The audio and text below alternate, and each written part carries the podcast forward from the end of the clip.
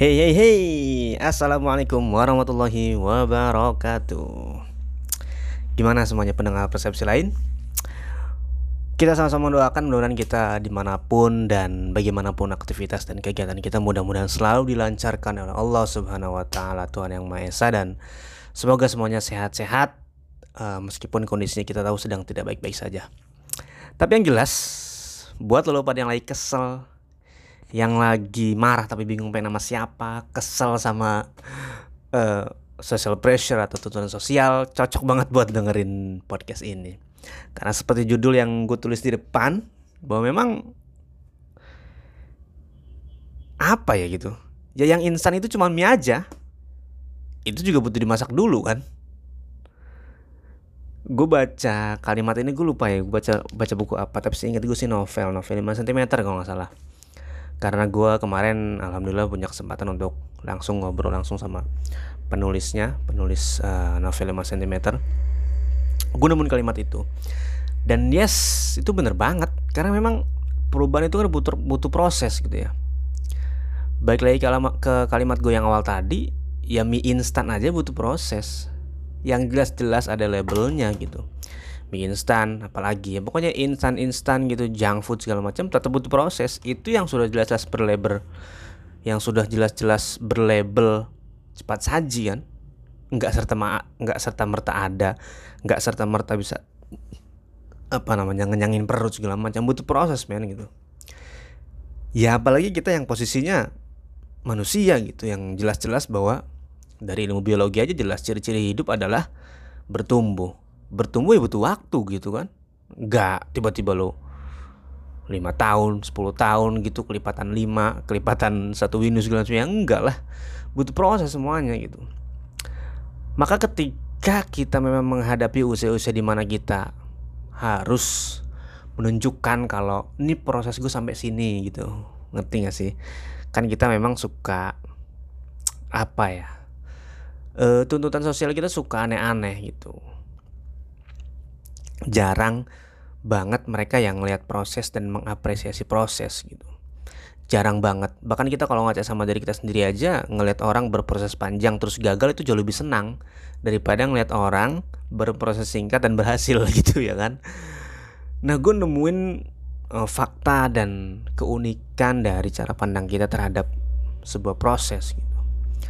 Sebuah proses kebaikan sebuah proses ke apa ya menuju kemaslahatan lah katakanlah. Menuju kesuksesan atau menuju pencapaian-pencapaian kita masing-masing gitu. Uh, makanya gue suka apa ya jadi kayak ingetan buat diri gue sendiri mungkin juga buat teman-teman semua yang suka ngedengerin podcast ini bahwa memang hmm, kita terlalu biasa sama yang instan-instan. Saking biasanya kita sama sekali nggak ngehargain proses gitu.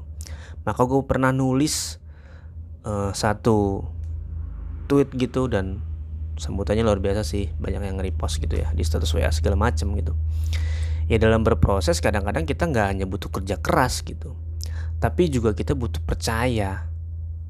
Ya percaya bahwa proses dan kerja keras itu nggak akan sia-sia gitu. Percaya bahwa satu saat nanti akan ada hasilnya. Percaya bahwa suatu saat nanti kita bisa mencapai gitu jadi selain kerja keras kita juga harus percaya gitu modalnya.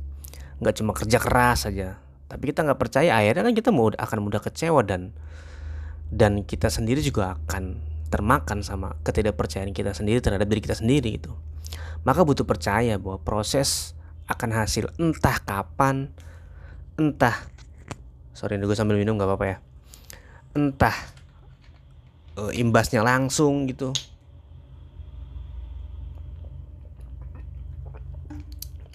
entah sama diri kita sendiri yang kita rasain imbasnya gitu.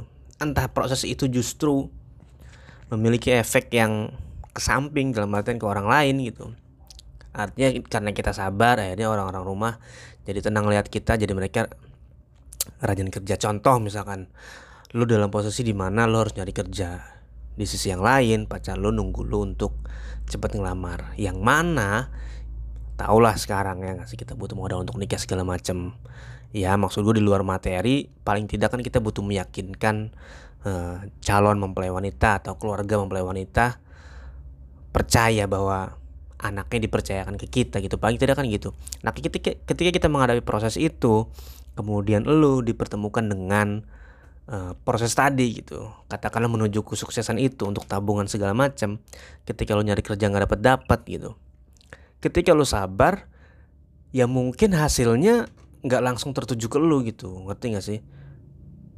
Ya karena lu sabar jadi keluarga lu ngeliat lu tenang. Akhirnya keluarga lu justru bisa uh, nge-backup lu dan bisa ngerjain atau mungkin bekerja uh, sesuai porsinya masing-masing sehingga bisa uh, ngasih tabungan atau sedikit penghasilan mereka untuk biaya pernikahan lo Nah itu kan maksud gue efek sabar nggak langsung berimbas ke lo gitu. Coba kalau lo nggak sabar uring-uringan, kan udah melunya nggak dapet apa yang lo mau, kemudian juga keluarga lo juga pusing liat lo. Akhirnya mereka kerja juga nggak tulus, kerja juga nggak maksimal, nggak demi lo. Tapi kadang ngeliat lo sabar, akhirnya efeknya uh, tidak hanya ke lo sendiri, tapi juga ke orang lain gitu. Artinya tidak hanya turun serta merta untuk badan lo gitu tuh. Jadi punya efek yang kayak kita ngelempar batu ke tengah lautan kan gelombangnya nggak cuma di titik jatuhnya si batu tapi bisa ngembangnya nggak sih? Lu pernah lihat kan kalau batu dilempar ke lautan terus titik jatuh kena tapi juga e, melebar ke mana-mana gitu. Kayaknya sih mungkin juga proses kayak gitu. Akhirnya ya e, untuk mencapai suatu pencapaian itu lu nggak berjuang sendirian gitu. Ditambah memang keluarga lu ngedukung dan lu percaya bahwa segala sesuatu yang lo prosesi atau segala sesuatu yang lo perjuangkan akan mendapatkan hasil dan yang bisa memenangkan lo dalam kondisi seperti itu gitu. Ya kemudian juga kita juga terlalu percaya bahwa atau mungkin kita salah dalam artian nganggap bahwa proses itu terlalu panjang sehingga kita kadang-kadang nggak sabar sehingga kita kadang-kadang mencemooh diri. Kalau gue katakan kita memukul diri kita sendiri terhadap hal yang seharusnya kita berjuangkan gitu. Nah orang kadang-kadang percaya bahwa proses itu panjang, tapi kita juga sama-sama tidak mempercayai bahwa perjuangan itu juga butuh pengorbanan gitu. Kadang-kadang ya udah proses-proses saja. Ketika ngeliat berhasil nggak pernah lihat apa yang ada di belakangnya. Ketika ngelihat orang sudah sampai kepada titik jadi apa jadi apa segala macam nggak pernah lihat apa yang ada di belakangnya gitu. Padahal pencapaian lu terhadap satu hal itu juga kan nggak mungkin serta merta garis lurusnya cuma gara-gara lu doang tapi juga gara-gara orang sekeliling lu juga nyupport gitu. Jadi ya buat teman-teman perempuan yang lagi nyari hmm, proses itu nggak cuma setahun dua tahun nggak cuma ya gue bukan sosok nasihatin tapi kan this is real gitu. Masih panjang banget proses itu gitu. Bahkan memang pernikahan bukan juga akhir dari sebuah proses tapi awal. Bukan juga akhir dari pencarian tapi awal dari pencarian gitu. Bukan juga akhir dari sebuah perjalanan tapi awal sebuah perjalanan. Bisa dikatakan akhir kalau memang lu mau memperjuangkan pernikahan itu satu jalan gitu. Dalam artian oh ya gue mau cari cewek yang on the track gitu. Dalam artian on the track itu ya pengen nge-backup lo atau mungkin juga menyesuaikan dengan karir lo segala macem gitu. Bisa. Perjalanan akhir dalam artian perjalanan akhir dalam pencarian dan kemudian lo start the new way. Lo coba untuk menata jalan yang baru di uh, pernikahan itu jadi ya mudah-mudahan sih orang-orang yang mikir bahwa proses itu gampang, proses itu harus butuh orang dalam, proses itu harus butuh privilege lah, proses itu harus butuh status sosial, proses itu butuh apa segala macam. Mudah-mudahan sih mereka tersadar dan kita terus berjuang. Satu-satunya jalan adalah pembuktian, membuktikan bahwa ini loh, gue juga berproses nggak, nggak tanggung-tanggung. Itu aja sih manusia itu sebenarnya toh mereka pun yang sudah melihat bukti kadang-kadang kalau emang gak seneng gak seneng aja gitu tuh. Nah artinya lu misalkan berproses tas lu jadi orang misalkan akhirnya lu bisa hidup sendiri bisa berdiri di kaki sendiri. Ya mereka yang gak seneng tetap sih. Nggak bakal mengakui. Kadang-kadang uh, kekurangan kita atau pandangan umumnya ya, kekurangan orang-orang Indonesia adalah tidak atau enggan untuk mengakui kelebihan orang lain gitu. Makanya gue pernah mikir bahwa orang paling berani adalah dia yang berani mengakui kelebihan orang lain gitu.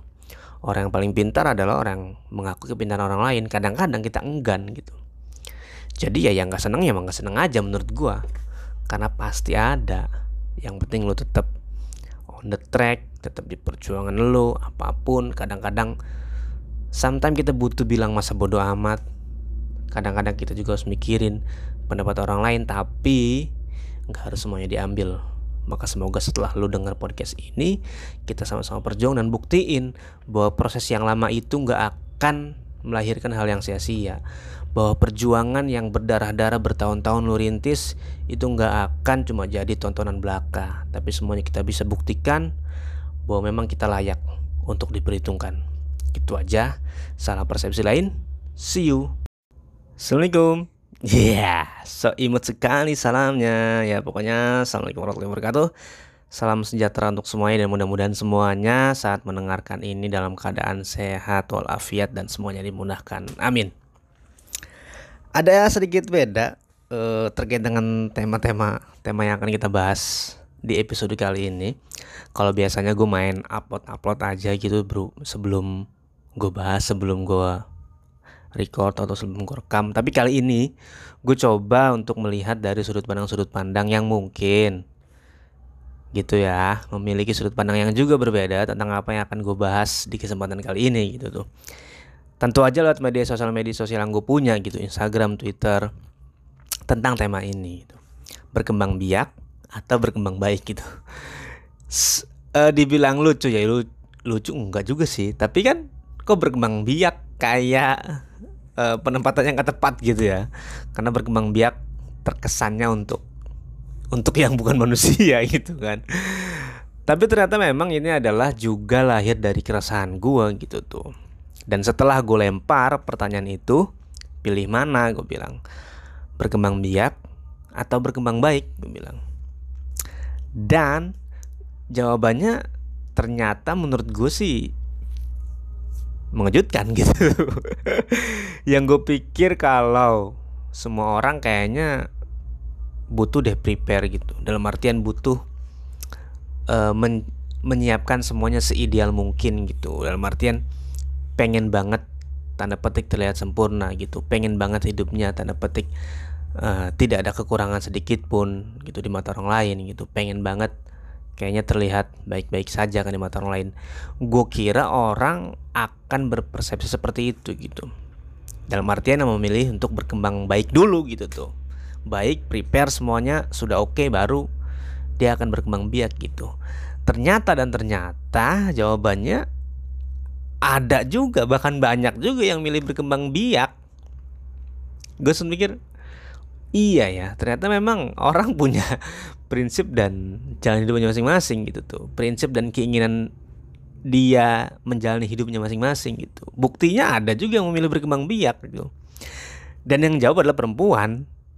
Maksud gue ya mungkin dia sudah berkembang baik gitu kan. Jadi dia tinggal berkembang biak aja gitu setelah selama ini. Enak bener ya. Jadi mungkin ya udah berkembang biak aja produktif aja dalam membuat anak gitu tuh. Sehingga akhirnya yang muncul perempuan pada milih berkembang biak gitu tuh. Tapi itu menyadarkan gue bahwa memang orang punya prinsip masing-masing lah. Paling tidak itulah ya nggak sih?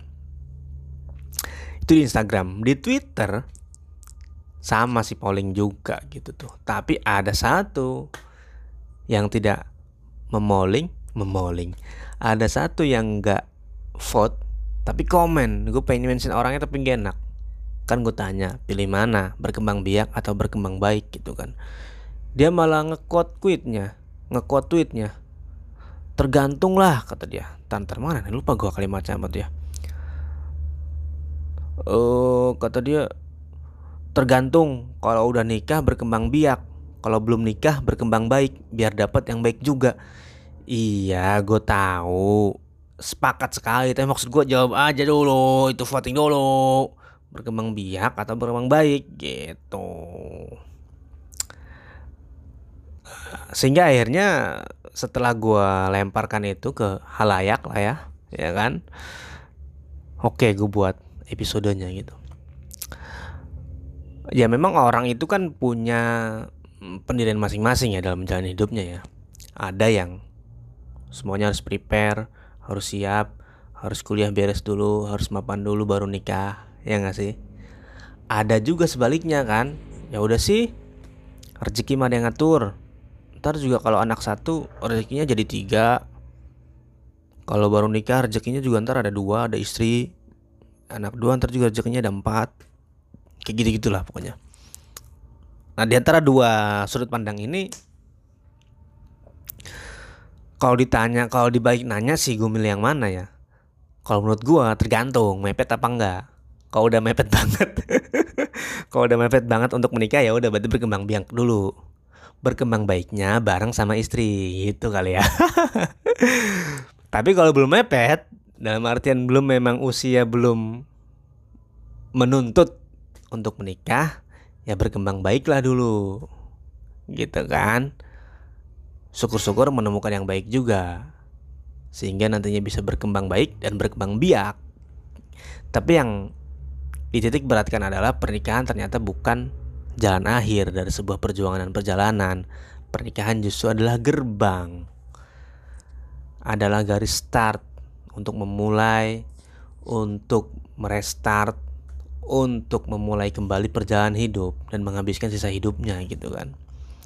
Karena memang kok bang bahas nih? Kayak nggak apa-apa karena memang kan temanya berkembang biak atau berkembang baik.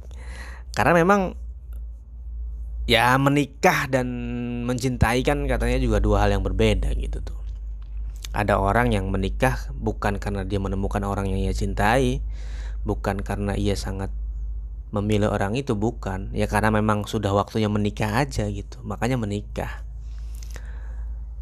Dan hanya orang yang beruntung lah katanya juga yang menikahi orang yang ia cintai karena kadang yang dicintai nggak berhasil dinikahi karena kadang dia harus menikah bukan karena dia menemukan si orangnya, tetapi ya memang karena dia udah harus menikah aja gitu. Udah waktunya menikah, ya udah nikah gitu. Yang dicintai mungkin nggak peka, yang dicintai mungkin nggak jelas. Ya karena memang tuntutan waktu kan waktu sementara waktu terus berjalan dan kita ngapa-ngapain ternyata banyak gesekan sana sini akhirnya menikah menikah gitu. Kok jadi ke menikah ngelantur? Oke, kita balik topik. Kalau menurut gue hidup berkembang baik sama dengan hidup berkualitas. Artinya kalau one day satu hari kita punya satu hard skill yang kita miliki, nah di hari kemudian entah sebulan kemudian, dua bulan kemudian, satu tahun kemudian, hard skill itu menurut gue yang sudah kita miliki harus bisa sudah menjadi bisa harus bisa sudah menjadi harus sudah bisa menjadi soft skill. Dalam artian kita harus naik kelas, harus punya kemampuan yang lain. Kalau hari ini hard skill lo adalah misalkan kalau hari ini simpelnya, kalau hari ini lo punya soft skill main bola misalkan. Ya udah 3 4 tahun yang kemudian atau yang akan datang lo harus punya soft skill yang lain, menulis, bikin cerpen, bikin konten segala macam. Terus kayak gitu. Menurut gue sih salah satu indikator berkembang baik adalah seperti itu. Jadi kalau kita punya satu hard skill suatu hari hard skill tersebut harus menjadi soft skill coy. Kenapa demikian? Karena kita sudah mempunyai skill yang lain gitu tuh. Ya jadinya ya kalau pertanyaannya eh, berkembang biak dulu atau berkembang baik dulu ya bolehlah menikah tapi yang jelas sih kalau menurut gua menikah dan berkembang biak bolehlah ya tapi jangan lupa untuk berkembang baik gitu tuh. Karena apa ya? Sometimes berkembang biak tanpa berkembang baik juga tidak baik gitu tuh. Banyak orang mikir ah meskipun gue begini juga gitu kan. Tapi gue pengen lah punya anak yang baik punya anak yang pinter gitu. Iya sih itu nggak salah. Tapi menurut gua anak yang baik hanya akan lahir dari ayah dan ibu yang juga baik yang juga terus memperbaiki gitu tuh. Kan suka ada tuh penjudi pemabuk. Wah meskipun gue gini juga gue pengen punya dong anak yang baik pesantren segala macam nggak salah bagus. Tapi harus diimbangi juga. Dia juga harus berproses untuk menuju baik gitu tuh. Jangan jojong aja jangan masing-masing punya jalan masing-masing. Ya enggak. Anak dan keturunan baik tidak akan lahir kalau bukan dari orang tua yang baik juga menurut gua gitu tuh. Jadi gimana nih? Pilih mana? Berkembang biak atau berkembang baik gitu tuh menurut gua satu lagi yang gue lupa berkembang baik itu ketika kita lewatin tahun ini dengan banyak pencapaian-pencapaian. Ketika semua orang pesimis ngadepin tahun depan kalau lu memang sudah berkembang secara baik kalau lu memang sedang bertumbuh secara baik semestinya ada pencapaian. Nggak mesti banyak karena semuanya butuh proses kan? Gak mesti juga langsung gemilang begitu pecah enggak lah. Paling enggak kan lu geser satu tingkat gitu itu sudah jauh lebih baik menurut gua gitu. Jadi itu dari persepsi lain mau berkembang biak atau berkembang baik kalau saran dari gua sebelum berkembang biak mari kita berkembang baik. Tapi kalau waktu sudah menuntut untuk berkembang biak berkembang biaklah setelah itu baru berkembang baik dengan pasangan kita masing-masing. Terima kasih, salam persepsi lain.